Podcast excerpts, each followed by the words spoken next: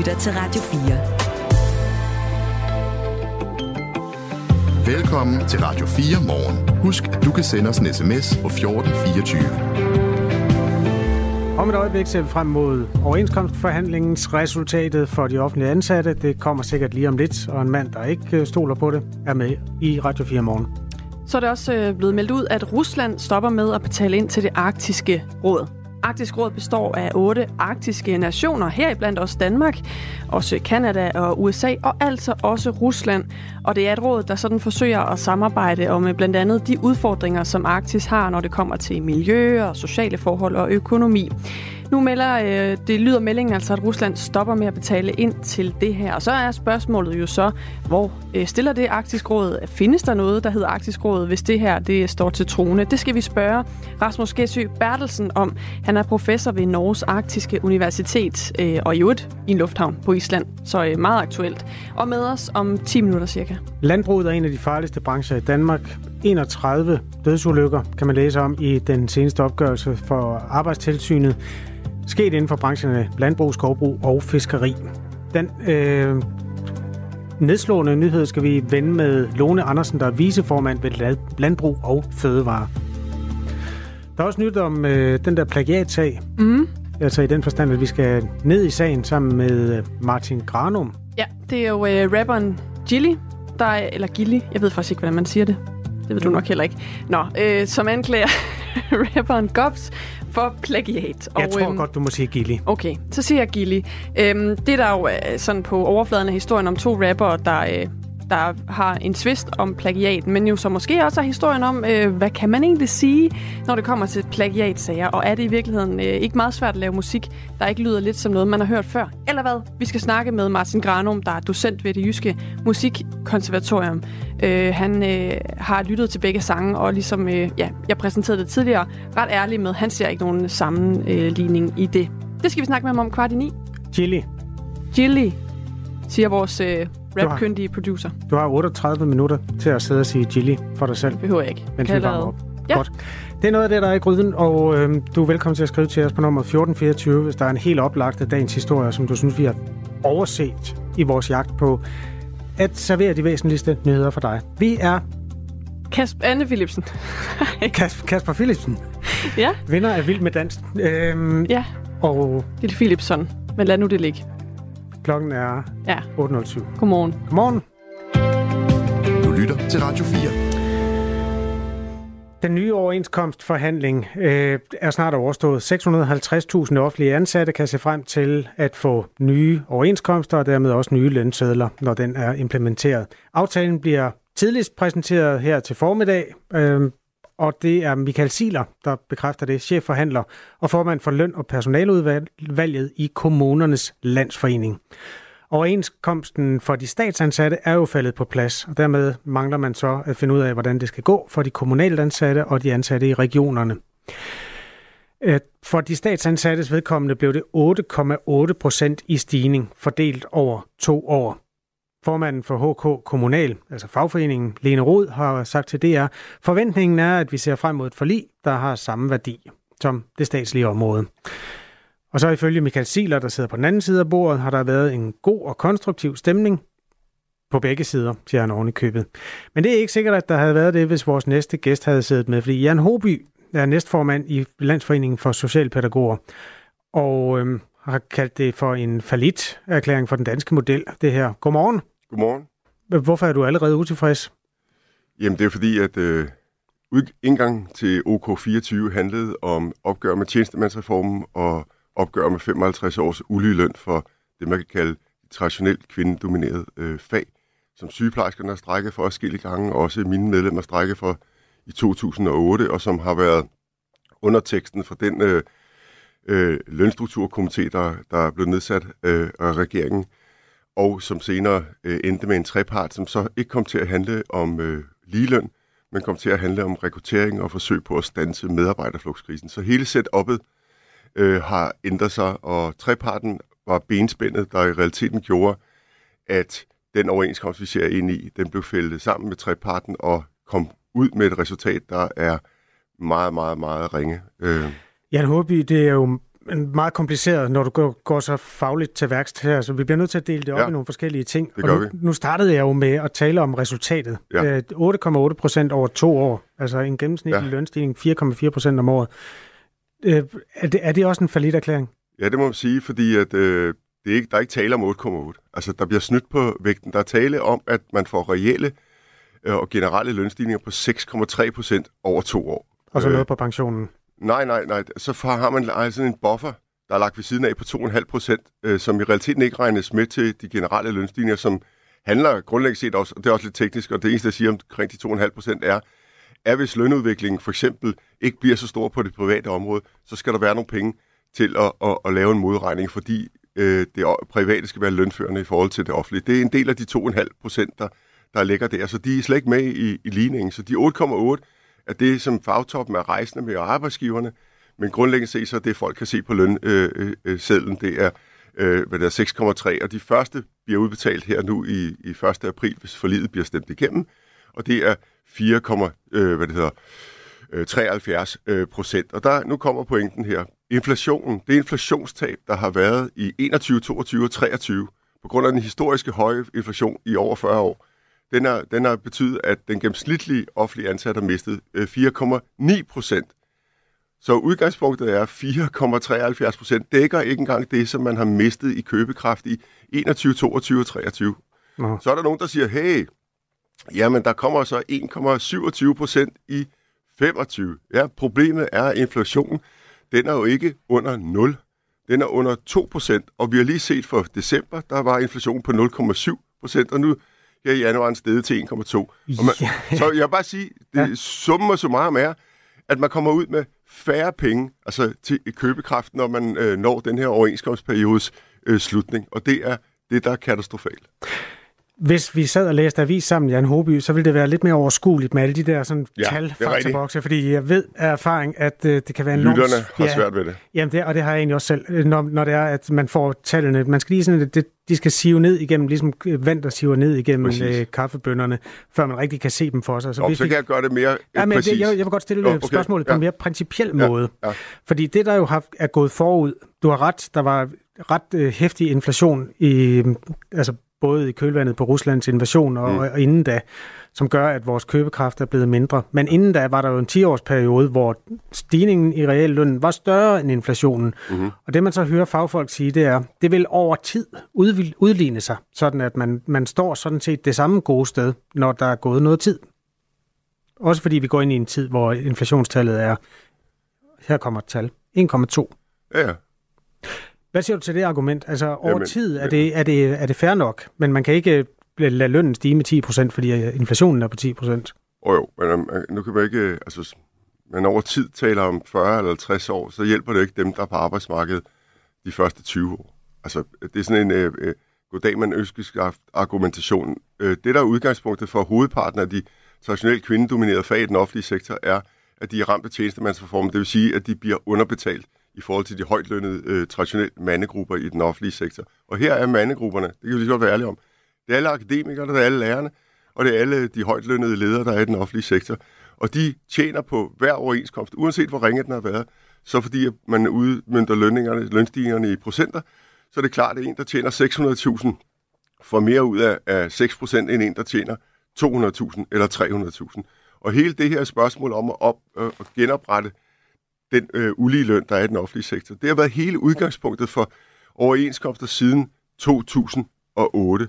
Og det er det, der i virkeligheden er, at de medlemmer, jeg repræsenterer, jeg repræsenterer pædagoger, dagplejere, socialpædagoger, øh, faglærte og ufaglærte, og de mangler mellem 6 til 7.000 bare på grundlønnen. Hvis mine medlemmer, som arbejder også sammen med ledere, eller med, med lærer, fik det samme som en lærer, så havde vi ikke de her problemer, og det er jo det, du skal måle resultatet op på, at der er et kæmpe løn efterslæb for omkring 400.000 offentligt ansatte sygeplejersker, socialrådgiver, pædagoger, øh, dagplejere, soci- øh, socialrådgiver, ergoterapeuter og fysioterapeuter og HK'er og rengøringsmedarbejdere. Alle dem, der har de traditionelle kvindedominerede fag, de har et mega efterslæb. Og hvis vi vil redde den offentlige sektor for den her rekrutteringskrise og den her medarbejderflugtskrise, og det er ingen unge mennesker helt forståeligt gider at læse til pædagog, eller til sygeplejerske, eller til, hvad det hedder, socialrådgiver på grund af de dårlige løn- og arbejdsvilkår, så kan den her overenskomst slet ikke stå mål med den krise, velfærdsstaten står i. Og det er bare sige, hvis man skal tage på det helt principielle, så man ikke læser i aviserne, den her overenskomst kommer ikke til at gøre, at unge mennesker vælger øh, det, man kan kalde velfærdsprofessionerne til fremadrettet, eller bliver socioassistent og så fremdeles. Og det kommer heller ikke til at betyde, at mange af de medlemmer, som jeg repræsenterer, kommer til at blive i den offentlige sektor. Fordi de kommer til at kigge på det her resultat og kigge på deres lønsel, og hvor meget de kan købe og sige, det er bare ikke godt nok. Vi Jan Håby, øh, jeg ja. Øh, skal lige spille et klip for dig, inden ja. vi siger farvel. Øh, Bent Greve er arbejdsmarkedsforsker. Han er mm. en af dem, du sikkert mener, man kan læse i avisen. Vi talte også med ham om det forestående resultat, og forholdt ham også den oplysning, at du på X har kaldt de her overenskomstforhandlinger for en erklæring af den danske model. Her svarede Bent Grevesen her.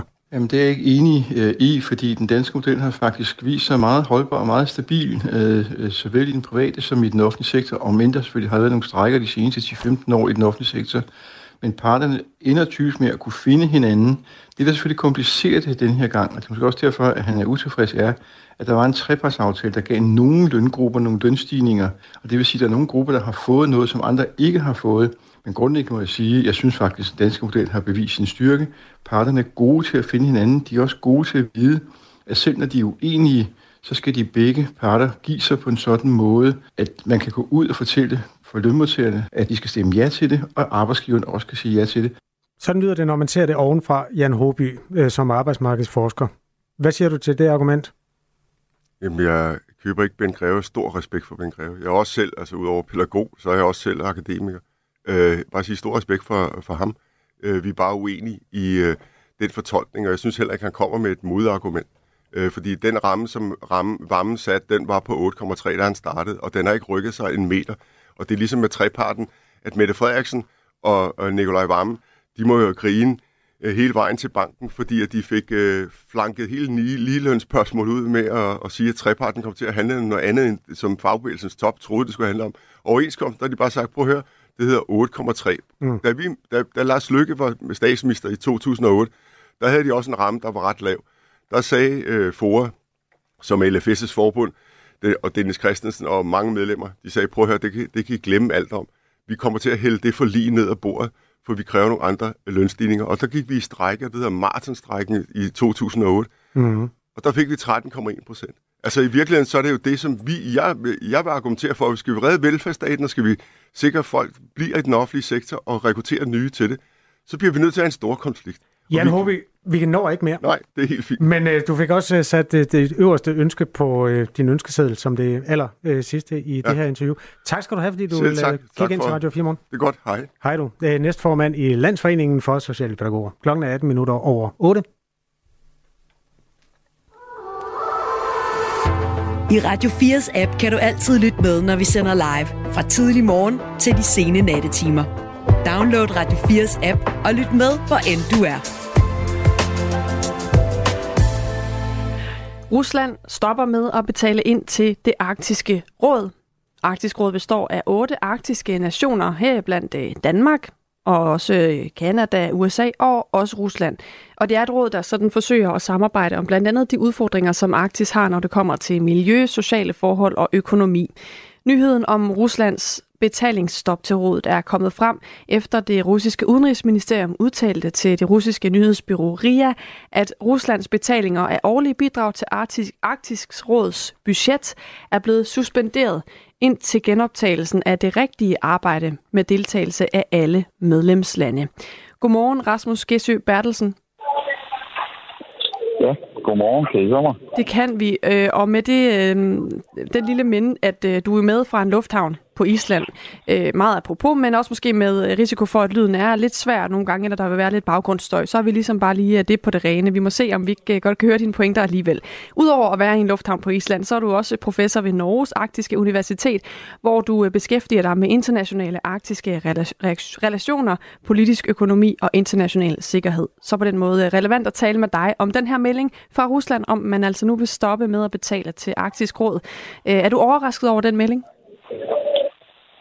Nej, det er jeg måske ikke. Altså, øhm, altså jeg, har, jeg har jo fulgt det her spørgsmål nøje de sidste knap to år, og øhm, altså det, som jeg har tænkt, og som jeg også har udtalt offentligt, altså det er jo henholdsvis, at øh, Rusland er jo en stormagt, ikke mindst en, en arktisk stormagt, og øh, stormagter, de er, de er meget følsomme over for ydmygelser, og jeg tror, at Rusland finder det ydmygende, altså den måde, det er blevet holdt ude af samarbejdet af de syv andre arktiske stater.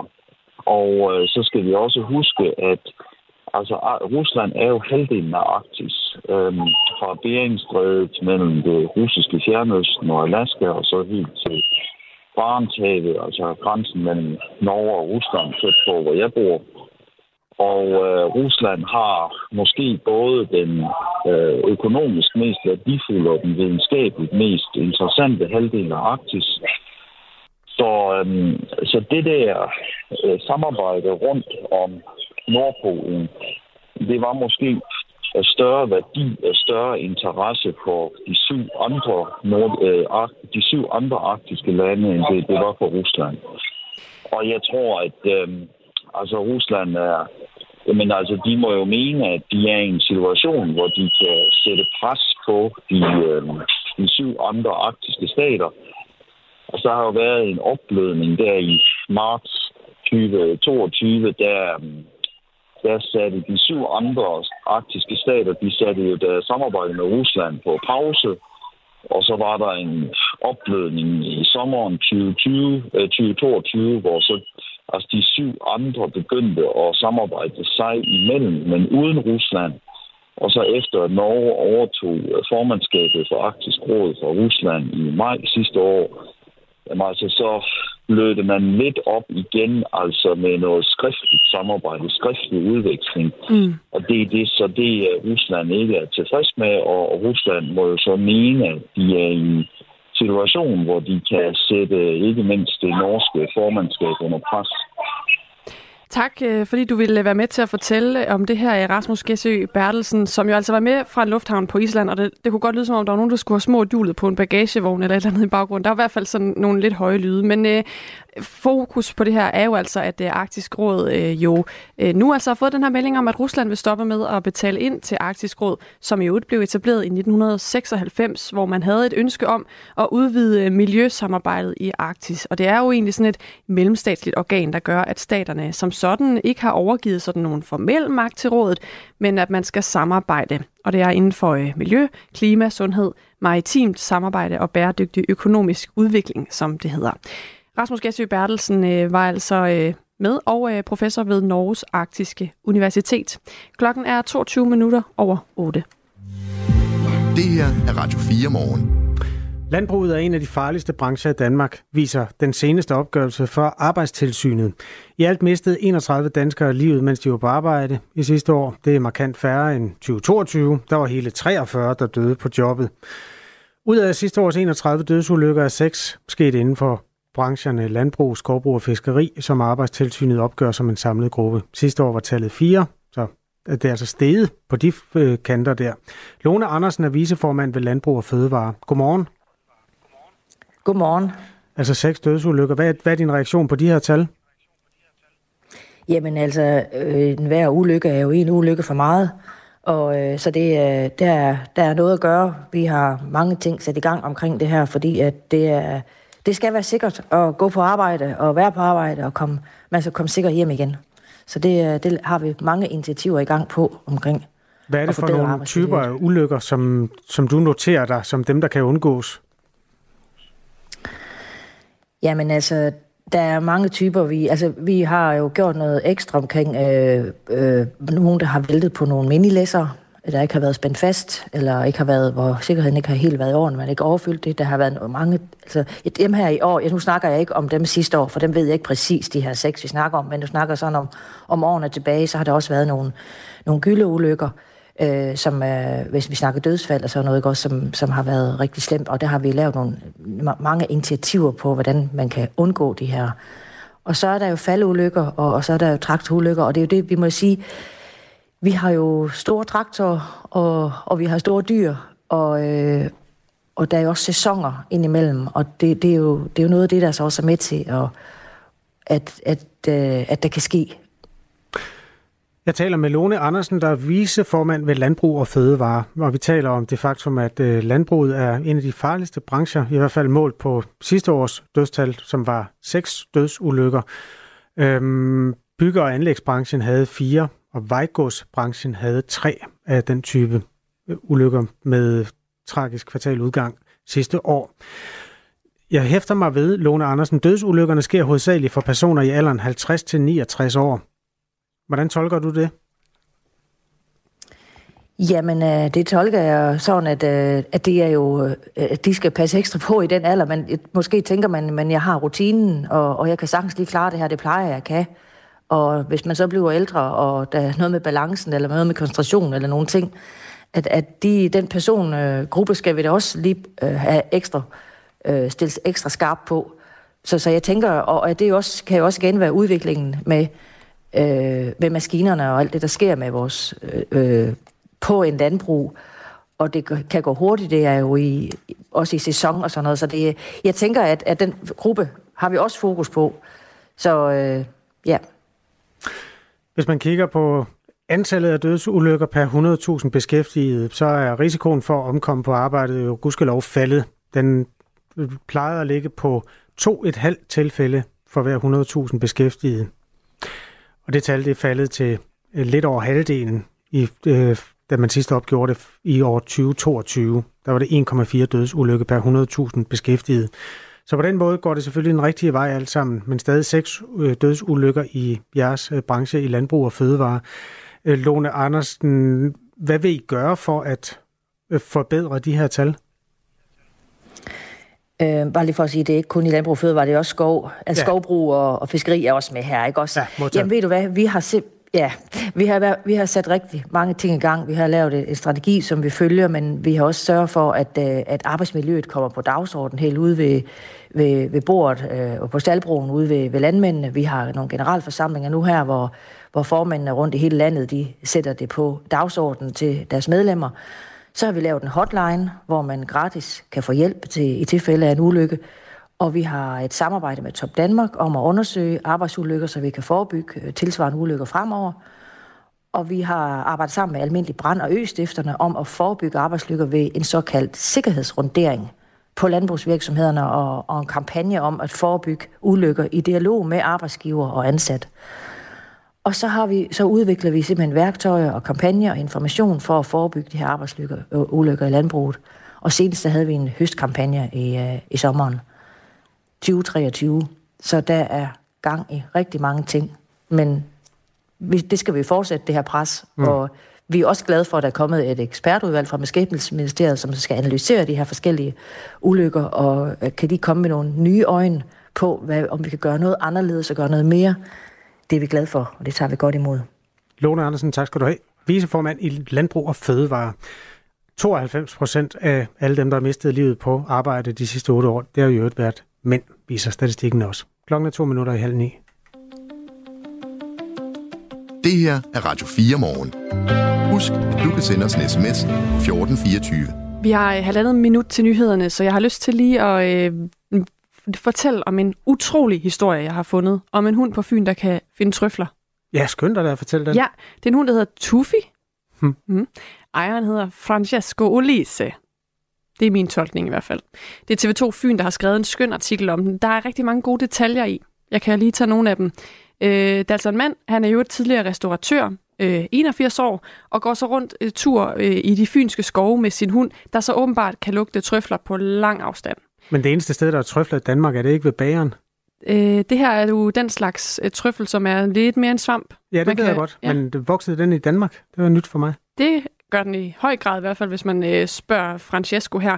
Og Tufi. Han, og Tufi, som, øh, altså Francesco han siger i den her artikel, nu kan jeg ikke lide at prale, men i november og december har Tufi og jeg fundet over 12 kilo trøfler. Det er mange, slår han fast med et nik. Hold da op. Mm. Og øh, det har, altså 12 kilo trøfler har haft en samlet pris. Han har kunnet sælge det videre på 60.000 kroner. 60.000 danske kroner. Ja, det kan man jo få meget hund for, hvis han skulle lave en business ud af det. ja, nå ja, på den måde, ja. Øh, han tager 5 kroner per gram trøffel. Det er jo så 5.000 kroner for et kilo. Øhm, det er et hemmeligt sted på Fyn. Fem skove har han, hvor han finder trøfler. Han er sikker på, at der findes trøfler over det meste af Danmark i øvrigt, for at svare på dit spørgsmål. Han Nå. har været øh, til bryllup på Samsø, og der var Tufi, kommer Tufi, hunden tilbage med en trøffel på størrelse med en tennisbold. Ud fra køkkenet? Eller? Det viser historien ikke noget om, eller fortæller det ikke noget om. Wow, nå, fedt for, for ham og for Fyn. God business. Ud og finde nogle trøfler. Klokken halv ni. Nu er der nyheder på Radio 4. SF er åben for at gå i regering med Moderaterne efter næste valg, det siger SF's formand Pia Olsen Dyr i et interview med Politiken. SF-formanden vil helst en S-SF-regering, men lige nu er der ikke noget, som tyder på, at det vil være realistisk, og derfor vil det med stor sandsynlighed kræve et midterparti. Det udmeldingen her er et udtryk for, at SF er ved at vinde sin selvsikkerhed tilbage, siger Henrik Kvotup, der er politisk analytiker ved BT. Han peger på, at SF i de nyeste meningsmålinger står til at blive det andet eller tredje største parti. Pia Olsen Dyr er ved at, at genvinde på partiets vegne den øh, selvsikkerhed, som partiet mistede sidst man var i regering derfor omkring øh, 10 år siden. Øh, det følgende valg førte bare til, at de fik øh, syv mandater. Nu er SF på vej op ifølge meningsmålingerne. SF afviser en regering med Venstre, som det ser ud nu, blandt andet på grund af Venstres holdninger til klima- og landbrugspolitikken, siger Pia Olsen Dyr. Hvis SF skal gøre sig forhåbninger om at komme i en regering, så kræver det altså at kigge på de to midterpartier, Moderaterne og det radikale Venstre. Hvis hun så skal have et ekstra parti ind og give de der afgørende mandater, så er hun jo nødt til at regne Moderaterne med, fordi der ikke er andre partier, der vil kunne levere den bare forestilling om, at øh, øh, Venstre kunne det eller ville det, øh, og det er hun jo også selv inde på, er fuldstændig naiv. Så den står og falder med Moderaterne. Og det siger Henrik Kvortrup, der er politisk analytiker ved BT. Nye borgerliges Martin Henriksen har politianmeldt skoleleder Jakob Delgas fra Borup Skole. Anmeldelsen kommer efter, at TV2 og SNDK har afdækket, at flere elever i indskolingen har været udsat for trusler, vold og voldtægt. I anmeldelsen står der blandt andet, at skolelederen bliver anmeldt for ikke at gribe ind over for overgreb begået mod børn. Det uddyber Martin Henriksen over for Radio 4 at hvis ikke vi sørger for at uh, sige fra over for en uhensigtsmæssig adfærd, når den småt begynder, jamen så er det jo, at tingene vokser så større, og så er det lige pludselig så kan det uh, spænde fuldstændig ud af kontrol. Og det er noget, der tyder på, at uh, det, er, det er det, der er sket her. Midt- og Vestjyllands politi har bekræftet over for TV2, at de har modtaget en anmeldelse, der vedrører sagen på Borup skole. Og Martin Henriksen lægger ikke skjul på, at det er ham, der har indgivet anmeldelsen, og at det drejer sig om skolelederen. Demokraten Tom Suosi overtager en plads i kongressen efter den skandaleramte republikaner George Santos blev smidt ud sidste år. Suosi overtager pladsen efter et ekstraordinært valg i delstaten New York i repræsentanternes hus. Det skriver den amerikanske avis The New York Times. Sejren for demokraterne betyder, at republikanernes allerede smalle flertal i huset bliver endnu mindre. Det ekstraordinære valg blev en realitet efter, at George Santos blev bortvist af sine kolleger i december. Han blev smidt ud af huset på grund af en række løgne om sin baggrund samt en tiltale for svindel. Den planlagte opsending af en månelander er blevet udskudt, det oplyser Elon Musks rumfartsvirksomhed SpaceX, som står for opsendingen af den ubemandede mission. Ifølge SpaceX dropper man at forsøge sig med en opsending på grund af uregelmæssige metantemperaturer. Målelanderen den skal i stedet sendes afsted i morgen. Overskyet med regn. I løbet af dagen bliver det mere tørt, dog med mulighed for dis eller tåge. Temperaturer mellem 3 og 7 graders varme. Vinden den aftager og bliver svag til let. Det var nyhederne på Radio 4 med Sofie Levering. Det her er Radio 4 morgen. Husk, at du kan sende os en sms på 1424. Danmarks næstmest omtalte plagiatsag kun overgået af øh, en skribent fra kulturlivet. Øh, den handler om to stykker rapmusik, måske endda tre, og vi finder ud af, hvorfor de minder så meget om hinanden, og om den ene har noget på den anden. Om cirka 10 minutter. Ja. Først så skal vi øh, tale om noget helt, helt andet. Øh, noget, som har fyldt rigtig meget de seneste dage, nemlig øh, sagen om øh, grove krænkelser af børn på Borup Skole i Køge Kommune. Øh, det er en øh, historie og en sag, der har fået følelserne frem i de fleste. Øh, nogen har været ude og, og foreslå, at hele skoleledelsen bliver fyret med det samme. Andre mener, at øh, de børn, der står bag de krænkelser, der er blevet beskrevet, skal bortvises permanent. Men så er der også nogen, der mener, at det, der er brug for lige nu, er at trække luft ind og lade skolen og kommunen komme til bunds i den her sag, og i øvrigt også huske på, at alle børnene er ofre. Det er i hvert fald dit budskab, Bente Boserup. Godmorgen. Godmorgen. Forperson i Børnerådet. Hvad mener du egentlig med det, at der er brug for at, at trække luft ind og huske, at alle børnene er ofre i den her sag? Altså for det første, så er det her jo en meget kompleks sag, lyder det til, som også er foregået over rimelig lang tid. Og det vil sige, at der er ingen, der på to minutter kan have en løsning på, hvad skal der gøres ved det her. Og der synes jeg, det er rigtig uheldigt, at der er politikere, der lige nu, jeg vil næsten sige, altså de, de vil gerne vise handlekraft, de vil gerne vise, at de gør noget, og så kommer de på den måde til at spænde ben for, at øh, vi netop kan trække hver ind og så sige, lad os nu lige få et overblik over den her sag. Det er det, Tesfaye meget fornuftigt er gået ud og have sagt. Øh, lad os lige finde ud af, hvad der er op og ned, fordi det her er, er meget komplekst, det er der ingen tvivl om. Når jeg siger, at alle børn er ofre, så mener jeg med det, at alle de børn, der har været omkring øh, denne her, de her hændelser, hvad det så end er, og hvor meget det er, hvor stort omfanget er, øh, de øh, er belastet af det. Der er dem, der direkte har været udsat for krænkelser og, øh, og, og seksuelle overgreb. Det er klart, at der er nogle børn der, der har nogle øh, store sorg og ar på sjælen. Så er der nogen, som har gjort noget, de ikke skulle.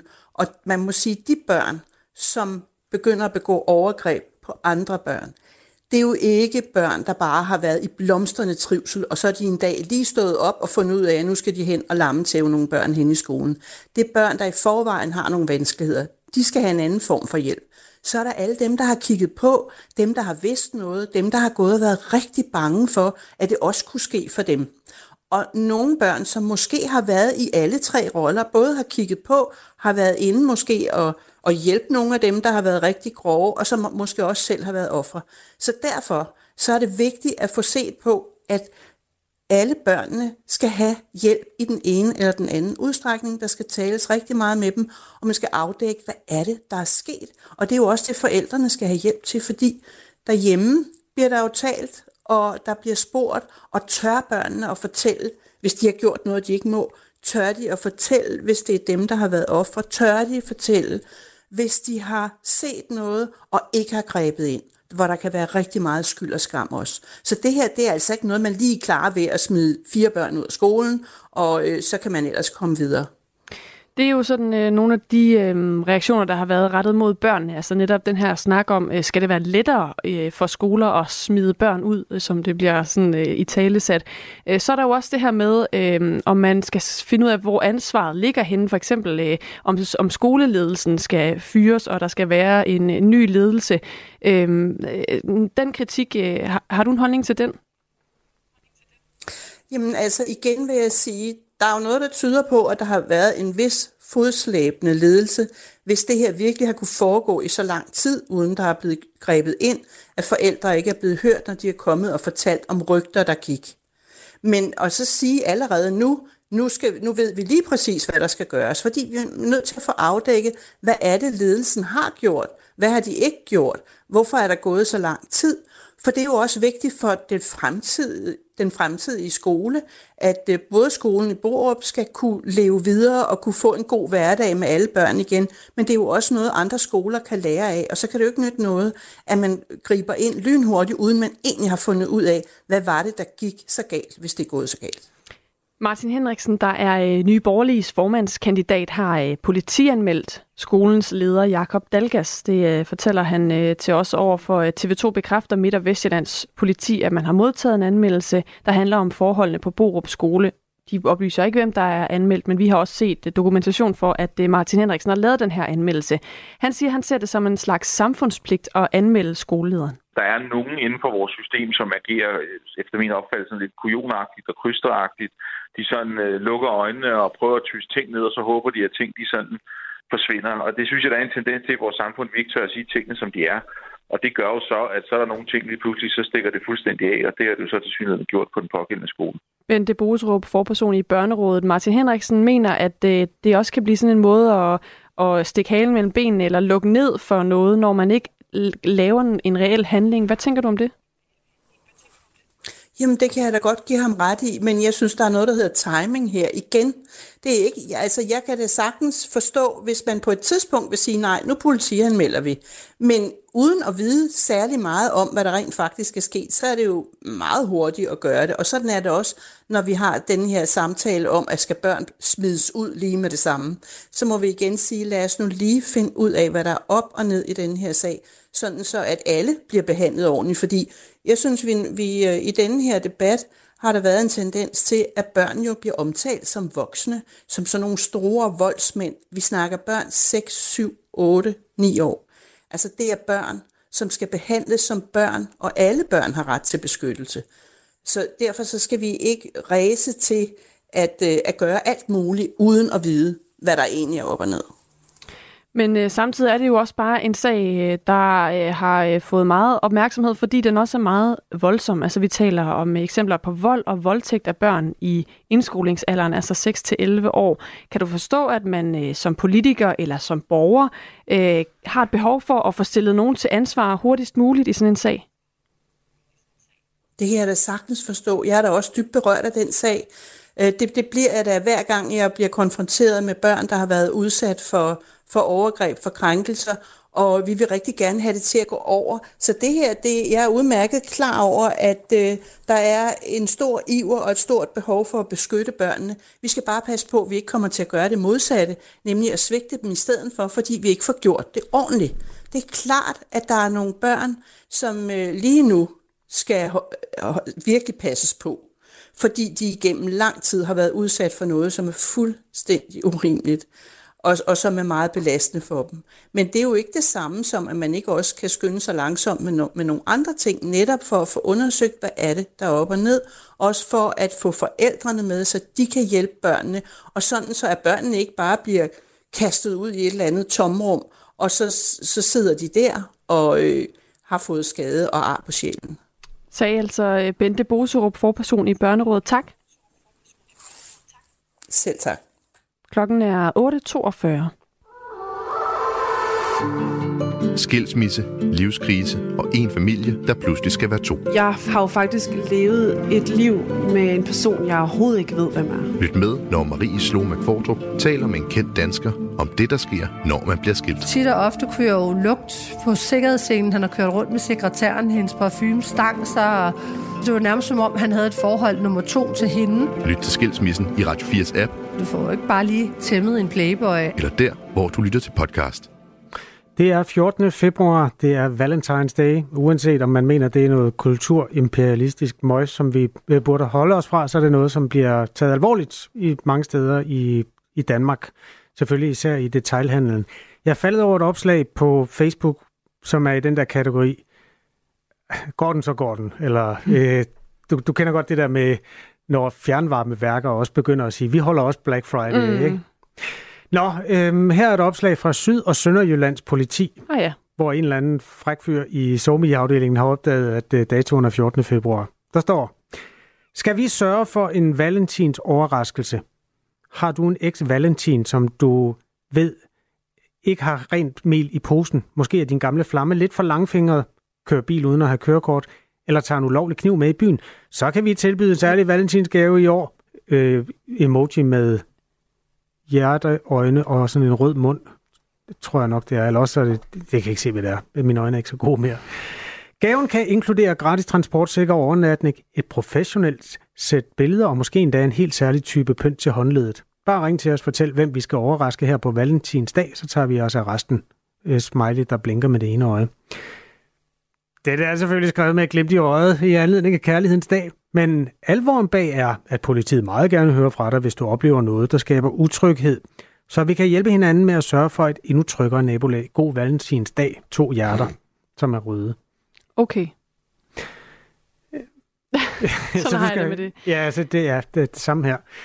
Har du en eks, som du vil melde til politiet, så kan du bare gøre det i dag, for det er valentinsdag. Ja, det er jo ikke helt meningen med valentinsdag, at man sådan har fokus på sin ekskæreste, er det det? Nej, det tror jeg faktisk er... Øh, nej, det er mere den nuværende. Ja. Eller den kommende. Ja. Hvis man er i det humør. Mm. Jeg tror ikke, der er meget andet at sige om det end... Øh, ja, der er mange brancher, der byder sig til. Hvis du tænder for din podcast-app, så kan du finde Aftenradio, hvor Claus Andersen havde besøg af en specialist i sexlegetøj, der bare den ene kasse efter den anden ind i studiet til Claus. Det ligner sådan nogle fyrværkeribatterier. Det tænker jeg, det er lidt mere spot on i forhold til, hvad 14. februar går ud på. Det her er Radio 4 morgen. Nå, skal vi til noget andet? Ja. Skal vi til musikken nu? Det skal vi. Uh, der er to ting, der minder rigtig meget om hinanden, nemlig skarpt lys og livet er kort. Først, Gilly. Risiko det fin stor by Skarp lys Nattehimlen forsvinder nu på ny Stor by lys Skarpt lys med Gilly. Og nu, Gorps, livet er kort. De siger bare lev i nuet Livet er for kort Hvis der er problemer Vi tager det bare i morgen De siger bare lev i nuet Det er to af de mest streamede sange i Danmark lige nu, men øh, der er dårlig stemning, fordi først nævnte, altså stor anklager Gops for plagiat. Gillys manager, Mads Edrup, er afsender på anklagen. Han mener, at Gops på den her livet er kort plagierer skarpt lys. TV2 har bedt Martin Granum, der er docent ved det Jyske Musikkonservatorium, om at gå fagligt ind i det her. Lytte til begge sange og afgøre, om der er hold i anklagen om plagiat. Og han er med os nu. Godmorgen, Martin Granum. Jamen, godmorgen. De lyder da lidt ens, var? Ja, det gør det. Øhm, men altså, det er jo også... Noget af, af, af det jo er genre-typisk, så, så det er jo en del af, af stilen. Og jamen, så kigger jeg jo lidt på, hvad, hvad er de egentlig bygget op af. Og altså, vi har måske haft et eller andet øh, lille niæse, der har siddet ved klaveret og spillet æblemand. Dung, dung, dung, dung, dung, dung, dung, dung, dung, dung. Det er sådan set de akkorder, Gilly bruger i skarpt lys, men spillet baglæns. Og Gops bruger næsten de samme akkorder, bare han er bare kun æble og ikke mand, kan man sige. Så, så rent harmonisk, så er der ikke rigtig noget der, man kan tage patent på. Det er, Altså, så det, så får jeg er lyst til at spørge dig på den anden måde. Altså, fordi ja. Der, akkorder går jo igen, og der er immer væk Ja. også kun 12 halvtoner, så de vil også gå igen. Øh, og der er nogle Mhm. genrer, der minder meget om hinanden. Hvornår er Ja. der egentlig plagiat så? Sådan helt øh, musikhistorisk. Hvornår er der, er der tale om regulært tyveri? Hvordan afgør man så det? Jamen, det er jo ligger i detaljen, og det er nemlig et, et rigtig godt spørgsmål, der ikke kan svares øh, helt præcist på, fordi at det bliver lidt en fornemmelse og en følelse, så, så der, det er vel noget med, om der ligger en kunstnerisk øh, indsats bag, som er unik, eller om man bare er en del af en, en genre der, ikke? Så, så det, det, man kan ikke svare helt entydigt på det, men ja, min, min vurdering er, at, at de kommer ikke til at vinde en retssag på den her. Men altså, det kan være, at jeg tager fejl. Det, men det, det tror jeg simpelthen ikke på, fordi at det er så relativt gængs, og så er der øh, sådan typisk for stilen for resten. Det, de også bruger, det er autotuneren. Det kan man høre ret tydeligt. Risiko det fin stor by Skarp lys De siger bare lev i nuet Livet er for kort Hvis Altså, jo flere gange jeg hører dem, desto mere synes jeg, at de minder om hinanden. Men det er heller ikke nogen genre, som jeg øh, hører, har i ørerne til hverdag. Øhm, hører du den her øh, genre til hverdag, Martin Granum? Nej, det må jeg være ærlig sige. Det er ikke, øh, jeg, jeg, jeg kendte ikke numrene, før jeg blev øh, stillet spørgsmål. Så det, det kan jo være, at der er en dybde i det, som jeg overser. Jeg har en fornemmelse af, at det er der nok ikke. Men det er min egen bias måske. Altså, men, men, men det med autotune er jo ikke nyt. Det er jo lyt til, til Shares øh, øh, sang tilbage fra 1990'erne der, eller, eller Brødrene Olsen brugte det også, altså, og det, det er ligesom en del af stilen, så, så det kan de heller ikke tage patent på. Så jeg, jeg tror egentlig, øh, at det er et uh, reklamestunt. Det, det vil være mit gæt. Oh. For at nu sidder vi og snakker om det her, ikke? Ja. Så, så det vil vi jo ikke ellers gøre, hvis det ikke er. Og der er sådan lidt uh, badass uh, gangster-attitude i det, at man kan lægge sag an mod Nå, ja. hinanden og pusse sig lidt op. Det, det vil være mit gæt. Det vil, det vil give mening. Jeg synes ikke, det giver mening at, at sige, at der er noget kunstnerisk unikt, der, øh, der er blevet krænket her. Jeg taler med Martin Granum, der er docent ved det Jyske Musikkonservatorium. Og vist nok jazzgitarrist, er det rigtigt? Jo, det er også rigtigt. Er der nogle steder i den genre? Fordi den der, der kommer hovedværkerne sådan så fra 50'erne, 60'erne, 70'erne. Gik man og anklagede hinanden for at stjæle dengang? Øh, altså det der med at for eksempel stjæle eller låne akkordrumgange, det er decideret en ting, at man skaber nye temaer øh, oven på andres kompositioner. Så, så jeg har det ikke særlig skidt med, at man låner fra hinanden, eller man stiller sig på skuldrene af hinanden, eller at man lader sig inspirere af hinanden, fordi det er jo det, som har gjort hele menneskerassen så succesfuld, at vi kan lære hinanden. Mm. Så, så jeg, jeg har ikke øh, ondt i nogen lemstil over, at, at øh, man, man låner fra hinanden og lader sig inspirere af hinanden. Jeg kan lige rise sagen her op. Øhm, Gillis manager fortæller, altså Gops Livet er kort deler tre ud af fire akkorder med Gillis Skarpt Lys, og trommearrangementet er stort set identisk, lyder det fra manageren.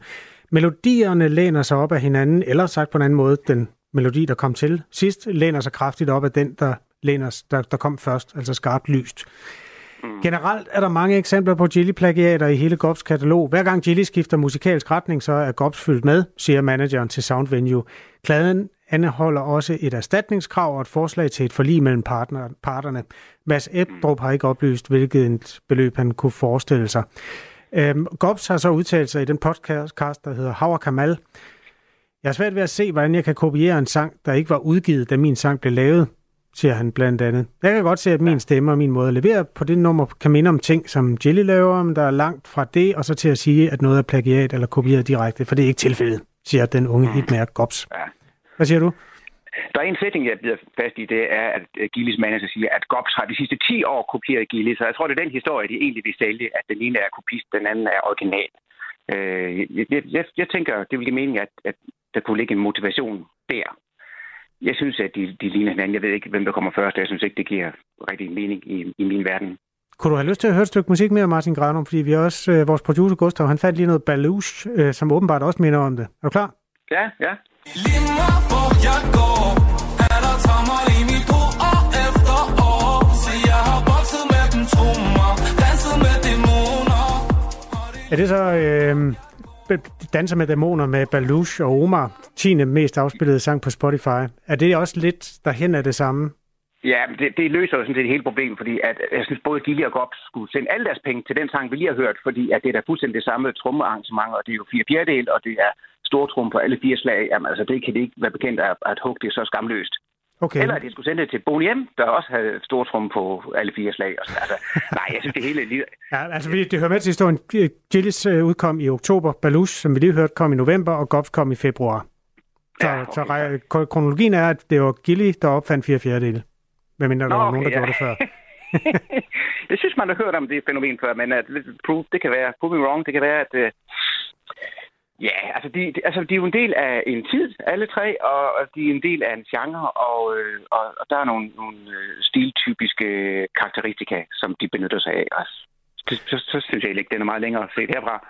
Nu sidder jeg og lytter til dig, der er jazzgitarrist, og har, en, har den her musiksanger sådan lidt ude i strakter med Martin Granum. Kunne man forestille sig, hvis det modsatte skete, at et menneske, der aldrig havde hørt jazzgitar før, så lyttede til, øh, det ved jeg ikke, Autumn Leaves og to andre, øh, sådan nogle helt klassikere, og siger, de lyder fuldstændig ens. Øh, ja, hvad, hvad, var, hvad var spørgsmålet så? Om, om, om det så var... Altså, jeg, jeg har ikke nogen eksempler på, på jazzmusikere, der på den måde øh, lægger sig an på den her. Ah, okay. Øh, så, så spørgsmålet er også ligesom, holder det i retten? Altså, så det, det, det er jo ikke, fordi der er noget galt i, at det lyder ens, eller det er ikke fordi, at der er noget galt i, at nogen kan lide den her slags musik. Altså, det, det må man jo gerne, men spørgsmålet er, om der er noget så kunstnerisk unikt, at det berettiger til et sagsanlæg. Det synes jeg ikke. Hvem opfandt egentlig fire fjerdedele, hvis vi en dag skal finde ud af det? Ja, det, det, det, det er der nok ikke. Det, det er nok menneskeheden, der, der kom frem til det. Øhm, Okay. Så det... Martin Granum, det var godt at tale med dig. Jeg håber, vi må ringe en anden gang, når to sange minder om hinanden. Jeg har en følelse af, at det kan ske igen. Gør, gør endelig det så. Tak skal du have. Der er God snart øh, Melodi Grand Prix. God, der kunne ja, det godt. det Der faktisk plejer det også altid at ske. øh, først kom, øh, hvad? Ilden, hjulet, fire fjerdedel. Menneskeheden. Ja, det er præcis. Opfindelser. Var det sådan? Ja, og så kom Jelly. Klokken er 7 minutter i 8. Du lytter til Radio 4. SF's formand Pia Olsen Dyr åbner øh, nu for, at hendes parti kan gå i regering med Moderaterne efter det næste valg. I et øh, interview med Politiken, der siger hun, at med mindre vælgerne lige pludselig begynder at se lyset i, at der skal være en S-SF-regering, så vil det jo være en centrum-venstre-regering. Og så må man jo se på de to partier, der er i midten af dansk politik, Moderaterne og Radikale Venstre, siger hun. Henrik Kvartrup, politisk analytiker ved BT, siger, at der er flere grunde til, at SF lige nu tænker i retning mod midten af dansk politik den mest øh, indlysende er nok den, at øh, Pia Olsen Dyr er ved at, at genvinde på partiets vegne den øh, selvsikkerhed, som partiet mistede sidst, man var i regering, derfor omkring øh, 10 år siden. Øh, det følgende valg førte bare til, at de fik øh, syv mandater. Nu er SF på vej op. Ifølge meningsmålingerne står SF til at blive enten det andet eller det tredje største parti i Folketinget, så selvsikkerheden er top. Den anden gode øh, grund er, man kan sige, at tingene flytter sig rundt i, i dansk politik for øjeblikket, og Pia Dyr har fuldstændig ret i sin analyse for så vidt, at øh, det er en regering, som den hun peger på der, der vil komme til verden, hvis SF skal i regering. Altså en regering, hvor øh, moderaterne øh, medvirker. Og det er jo en anden måde at sige på, at øh, hvem er det, der står og kan komme til at bestemme, om det her skal blive virkelighed. Det er ikke Pia Olsen Dyr, det er heller ikke Mette Frederiksen. Nej, det er øh, dansk politik svar på Houdini, nemlig øh, Lars Løkke Rasmussen. SF sad øh, senest i regeringen i 2011 sammen med Socialdemokratiet og Radikale Venstre, og øh, ja, det endte jo ikke helt, som øh, de havde drømt om. Henrik Kvartrup tror på, at tiden igen er moden for SF i en regering, i hvert fald hvis man spørger SF's egne vælgere. Jeg er ret sikker på, at SF's vælgere øh, gerne ser SF i en regering, og de har muligvis glemt, måske snarere fortrængt, øh, hvordan det gik sidst, at SF øh, var i, øh, i regering. Øhm, og, og om den her regering, som Pia Rosen Dyrs skilter her, den kan blive til virkelighed, det, det er jo alt, alt for tidligt øh, at sige, men jeg tror ikke, der er noget i konstellationen øh, radikale venstre, Socialdemokratiet og Moderaterne, der for så vidt øh, skræmmer nogen øh, SF-vælgere væk. Det ville det være, hvis, øh, hvis øh, Pia Olsen Dyr i sit regnestykke havde trukket øh, Venstre ind. Men det, at der overhovedet er den her slags øh, overvejelse nu, ser jeg også som et udtryk for øh, det, som vi måske godt har haft på fornemmelsen et stykke tid nu, nemlig at øh, den regering, der er der for øjeblikket, altså Socialdemokratiet, Venstre og, og Moderaterne, den øh, har en klar udløbsdato. Altså forestillingen om, at den skulle kunne fortsætte efter et valg, tror jeg ikke et, øh, et sekund på. Og det er den der nye situation i dansk politik, øh, som øh, Pia Olsen Dyr begynder at, at, at gardere sig imod. Sagde altså Henrik Kvartrup, der øh, for tiden er politisk analytiker ved BT. Det her er Radio 4 morgen. Og klokken er nu 3 minutter i 8 i, I London. Nå. Ja, det siger jeg bare, fordi jeg kommer til at sige, at klokken var 7 minutter i 8 for uh. lidt siden, og der er flere mennesker, der synes, at vi skal vide det. Og det er en helt rigtig spontan reaktion at skrive ind til os, at øh, det var sådan i dansk kontekst lidt en fejl. Men jeg tænkte mm. bare på, hvad den var i England. Selvfølgelig gjorde du det. Det gjorde jeg. Om lidt er der nyheder, og så er der frontlinjen derefter. Og frontlinjen er jo Radio 4's program om forsvars- og sikkerhedspolitik og om krig. Det er journalisterne Peter Ernst Rasmussen og Kasper Junge Vester, der er værter på programmet. Peter Ernst er med os. Godmorgen. Godmorgen. Et af emnerne er øh, forsvarets mangel på materiel. Det hører vi om hele tiden. Hvordan går I ind i den debat? Jamen det gør vi ved, at jeg i weekenden øh, publicerede på mit eget forsvarsmedie Olfi en historie med Henrik Lyne, brigadegeneral og næstkommanderende i Herkommandoen, som fortæller, at øh, hæren øh, ikke kan kæmpe om natten, for den mangler simpelthen natkampudstyr. Den har ingen sløringsnet, så man kan ikke sløre køretøjen. Der mangler våben, ammunition, køretøjer, uniformsgenstande.